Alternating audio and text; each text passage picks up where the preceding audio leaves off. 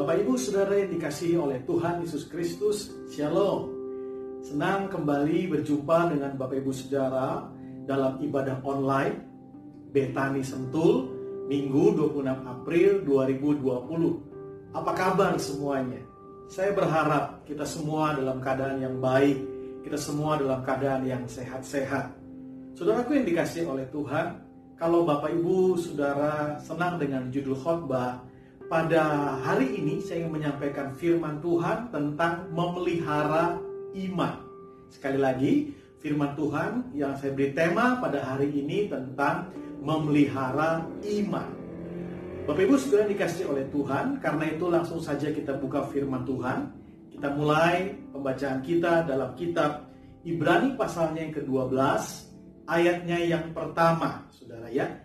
Karena waktu kita terbatas, saya rindu Bapak Ibu Saudara bisa baca dari ayat yang pertama sampai dengan ayat yang ke-17. Nanti dalam saat teduh Bapak Ibu Saudara dalam pembacaan firman Tuhan secara pribadi.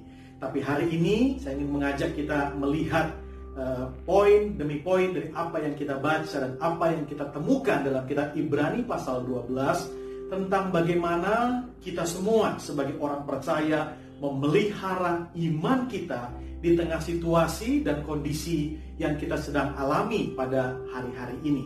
Kita atau saya akan bacakan buat Bapak Ibu Saudara Ibrani pasal 12 ayatnya yang pertama. Demikian firman Tuhan.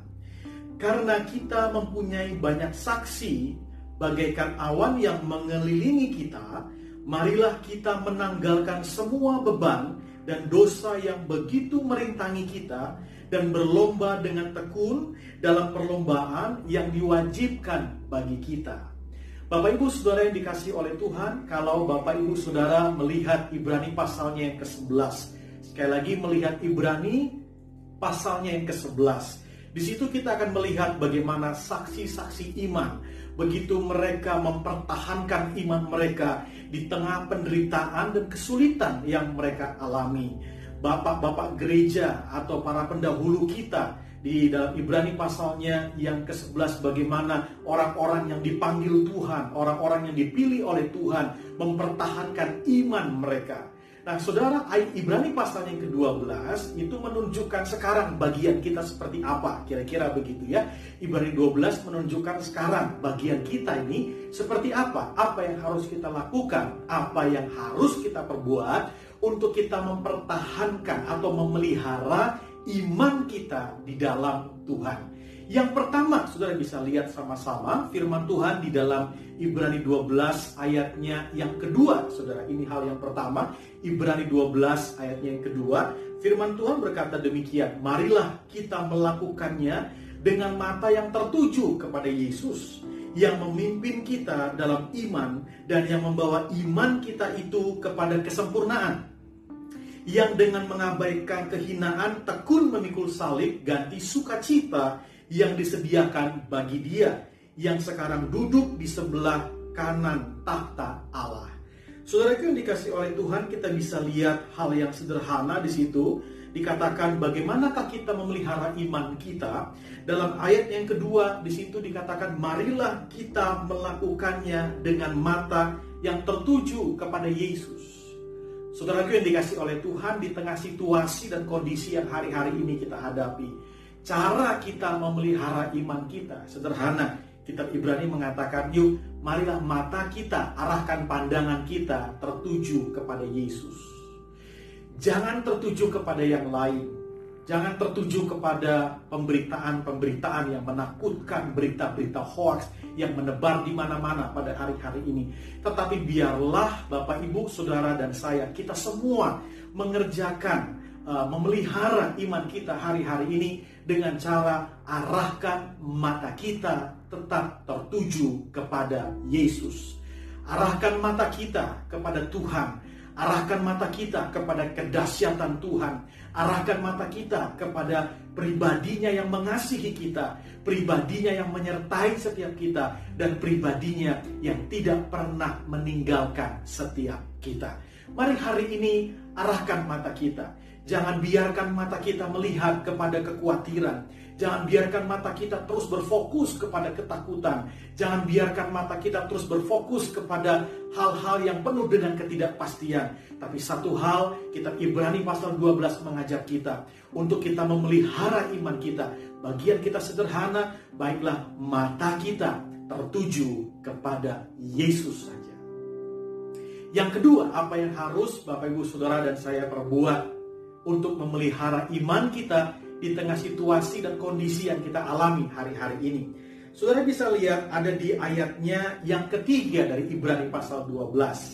Ayatnya yang ketiga firman Tuhan katakan kepada kita, ingatlah selalu akan dia yang tekun menanggung bantahan yang sehebat itu terhadap dirinya dari pihak orang-orang berdosa supaya jangan kamu menjadi lemah dan putus asa.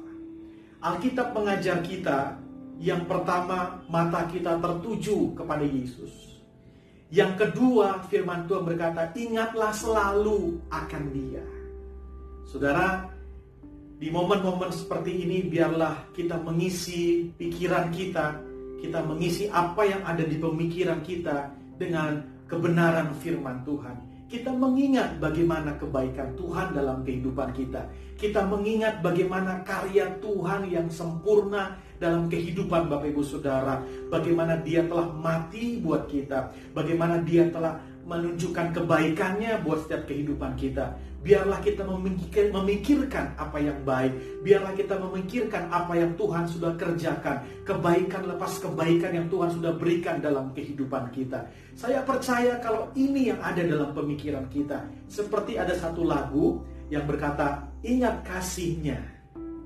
Ingat kasihnya. Ingat kebaikannya. Dan anugerahnya selamatkanku. Kalau kita ingat kasihnya, ingat kebaikannya, ingat anugerahnya, saya percaya hal tersebut akan menguatkan iman kita di tengah-tengah situasi, di tengah-tengah kondisi yang sedang kita alami hari-hari ini.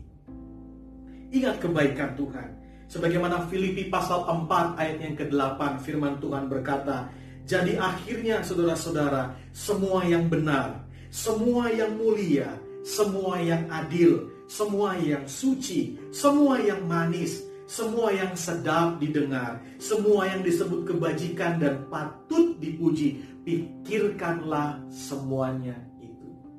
Biar itu saja yang ada di dalam pemikiran kita. Ayo isi pikiran kita dengan firman Tuhan Jangan isi dengan hal-hal yang melemahkan iman kita, tapi isi dengan hal-hal yang senantiasa menguatkan iman kita kepada Tuhan. Yang ketiga, saudara, apa yang harus kita kerjakan, apa yang harus kita perbuat dalam kehidupan kita di tengah situasi dan kondisi yang seperti ini untuk memelihara, untuk menguatkan iman kita. Firman Tuhan berkata ayatnya yang ke-12 Firman Tuhan berkata sederhana, sebab itu kuatkanlah tangan yang lemah dan lutut yang goyah. Yang ketiga, saya ingin sodorkan buat kita semua pada hari ini adalah biarlah saudara dan saya kita boleh saling menguatkan satu dengan yang lain.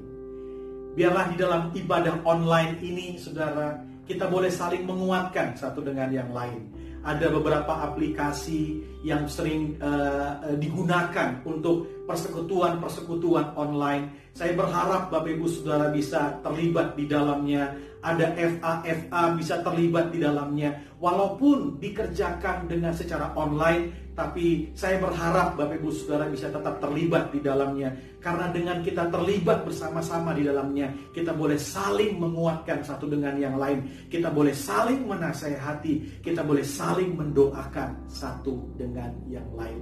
Jangan berjalan sendirian hari-hari ini. Kita harus sama-sama saling menopang, saling menguatkan, saling mendoakan satu dengan yang lain.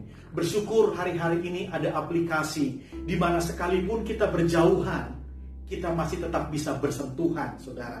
Secara hati, walaupun hanya sekedar tatap muka, tapi waktu kita bisa saling mendoakan, hati kita sama-sama tersentuh, saling menasehati, hati kita sama-sama tersentuh untuk kita bisa saling menguatkan satu dengan yang lainnya. Saudaraku itu adalah poin yang ketiga. Bagaimana kita memelihara iman kita di dalam Tuhan hari-hari ini. Di masa-masa suka seperti ini. Yang keempat, saudaraku yang dikasih oleh Tuhan, ayatnya yang ke-15. Saudara bisa lihat Ibrani 12 ayat yang ke-15. Alkitab mengatakan sederhana, jagalah supaya jangan ada seorang pun menjauhkan diri dari kasih karunia Allah. Agar jangan tumbuh akar yang pahit yang menimbulkan kerusuhan dan yang mencemarkan banyak orang. Saudara, yang keempat dikatakan jaga yuk jangan timbul akar pahit, saudara. Sebab hari-hari ini kita melihat di tengah-tengah situasi dan kondisi yang kita alami sama-sama. Kita semua masing-masing ada dalam tekanan, saudara. Ya, saya ada dengar-dengar hal-hal yang lucu, tapi ya itu fakta dan kenyataan di mana orang berkata kejahatan menurun, pencurian menurun, tapi perkelahian suami istri, konflik suami istri meningkat begitu tajam. Karena kita di rumah aja, saudara. Orang suka bilang 4L, lu lagi, lu lagi. Nah saudara ini yang sering kali membuat kita jadi uh, mudah untuk kecewa, mudah untuk sakit hati di dalam tekanan yang seperti ini.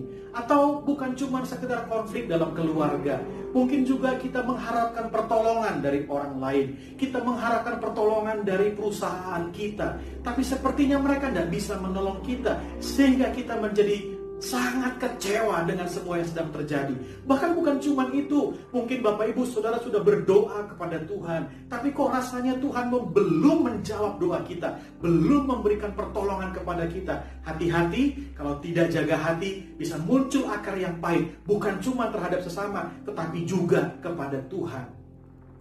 Saudara jaga hati kita untuk tidak muncul akar yang pahit. Di mana hari ini kita harus melunasi tagihan yang ada. Kalau Bapak Ibu Saudara ada cicilan, melunasi cicilan yang ada. Kalau Bapak Ibu Saudara punya karyawan-karyawan, Bapak Ibu Saudara harus bayar gaji karyawan, sementara penghasilan tidak ada. Ayo sama-sama jaga hati kita, supaya tidak muncul akar yang pahit. Itulah yang firman Tuhan ajarkan kepada kita. Itulah yang firman Tuhan uh, uh, berikan kepada kita apa yang harus kita perbuat. Jangan berharap kepada manusia, jangan berharap kepada situasi yang ada di sekeliling kita. Tetap kita berharap kepada Tuhan dan kita percaya Tuhan tidak pernah meninggalkan setiap kita. Yang kelima, saudara, yang terakhir, yang kelima, yang terakhir, Alkitab mengajar kita apa yang harus kita perbuat untuk memelihara iman kita di tengah situasi dan kondisi yang sukar yang kita alami hari-hari ini. Ayatnya yang ke-16 di situ dikatakan janganlah ada orang yang menjadi cabul atau yang mempunyai nafsu yang rendah seperti Esau yang menjual hak kesulungannya untuk sepiring makanan. Saudara, di tengah-tengah situasi dan kondisi, di tengah-tengah tekanan yang terjadi, sering kali kita berupaya, nah ini dia poin yang kelima, untuk menghalalkan segala cara untuk kita bisa bertahan dalam kehidupan. Surah Alkitab menjelaskan kepada kita, jangan kita memiliki nafsu yang rendah seperti Esau. Jangan tukar kekekalan dengan hal yang sifatnya sementara. Jangan tukar kemuliaan yang akan saudara dapatkan dengan tukar mahkota yang akan saudara dapatkan dengan hal-hal yang bersifat sementara hari-hari ini. Tuhan ingatkan kita supaya kita tidak menghalalkan segala, cara. Biar apa pun yang kita kerjakan hari-hari ini, apa pun yang kita perbuat hari-hari ini, biarlah tetap senantiasa kita kerjakan di dalam kebenaran daripada firman Tuhan saja. Lima hal yang saya bisa bagikan buat Bapak Ibu Saudara untuk memelihara iman kita. Kita belajar dari Ibrani pasal 12. Firman Tuhan yang pertama tadi mengajar kita dikatakan bahwa biarlah kita mengerjakannya dengan mata yang tertuju kepada Yesus. Yang kedua, firman Tuhan mengajar kita untuk mengingat Tuhan di tengah situasi dan kondisi yang sedang terjadi hari-hari ini. Yang ketiga, firman Tuhan mengajar kita untuk kita saling menguatkan satu dengan yang lain. Saling mendoakan satu dengan yang lain. Saling bantu-membantu. Saling tolong-menolong satu dengan yang lain. Yang keempat, firman Tuhan mengingatkan kita supaya janganlah timbul akar pahit. Jaga hati saudara. Jangan timbul akar pahit. Kekecewaan mungkin menghantui kita hari-hari ini. Terhadap situasi, terhadap pribadi, terhadap apa pun yang sedang terjadi. Tapi Alkitab mengajar kita, jaga hati kita. Jangan sampai timbul akar yang pahit. Yang kelima, Alkitab mengajar kita, firman Tuhan mengajar kita untuk jangan memiliki nafsu yang rendah seperti Esau. Atau dengan cara atau dengan kata lain menghalalkan segala cara untuk kita boleh mempertahankan kehidupan. Ingat, jangan tukar hal yang kekal dengan hal yang bersifat sementara. Bapak Ibu Saudara, para pengerja, para pengurus jemaat Betani Sentul. Saya berharap apa yang saya bagikan bisa menjadi berkat. Apa yang menjadi apa yang saya bagikan bisa menjadi pegangan buat setiap kita untuk kita terus berjalan bersama-sama memelihara iman di dalam Yesus Kristus Tuhan. Mari kita berdoa bersama-sama. Bapa dalam nama Tuhan Yesus, hamba berdoa untuk anak-anakmu yang sedang menyaksikan program atau tayangan kebenaran firman Tuhan pada hari ini. Tuhan, apa pun yang menjadi pergumulan mereka, kami percaya firman-Mu. Engkau tidak pernah meninggalkan kami. Engkau Immanuel, Tuhan yang beserta dengan kami. Aku berdoa Tuhan berikan hikmat untuk anak-anakmu untuk melewati situasi dan kondisi yang kami alami sama-sama pada hari ini. Aku berdoa untuk yang sakit Tuhan, aku percaya Engkau memberikan kekuatan, Engkau memberikan kesembuhan buat anak-anakmu. Terima kasih Bapak di surga, terima kasih. Kami percaya Tuhan, Engkau selalu memberikan kekuatan yang baru buat setiap kami hari-hari ini. Terima kasih Bapak di surga, kami mengucap syukur untuk kemurahan dan anugerah Tuhan. Kami serahkan segala persoalan kami, pergumulan hidup kami, apa pun yang sedang terjadi hari-hari ini, hanya ke dalam tanganmu saja. Dalam nama Tuhan Yesus Kristus, kami mengucap syukur dan berdoa. Haleluya. Amin. Saudaraku yang dikasih oleh Tuhan, demikianlah firman Tuhan yang bisa saya sampaikan. Kiranya menjadi berkat buat Bapak Ibu Saudara, buat kita semua, khususnya buat pengerja, pengurus, jemaat daripada Betani Sentul. Itu saja yang bisa saya berikan. Saya berharap kita bisa berjumpa kembali baik dalam ibadah online. Terlebih-lebih saya berharap kita bisa berjumpa kembali bersama-sama secara tatap muka untuk kita bisa bersama-sama kembali menikmati hadirat Tuhan dalam pujian dan penyembahan bersama-sama dan menikmati firman Tuhan dalam kita bersama-sama bisa berfellowship seperti biasa. Itu aja. Terima kasih. Sampai berjumpa kembali. Tuhan Yesus memberkati kita semua. Amin.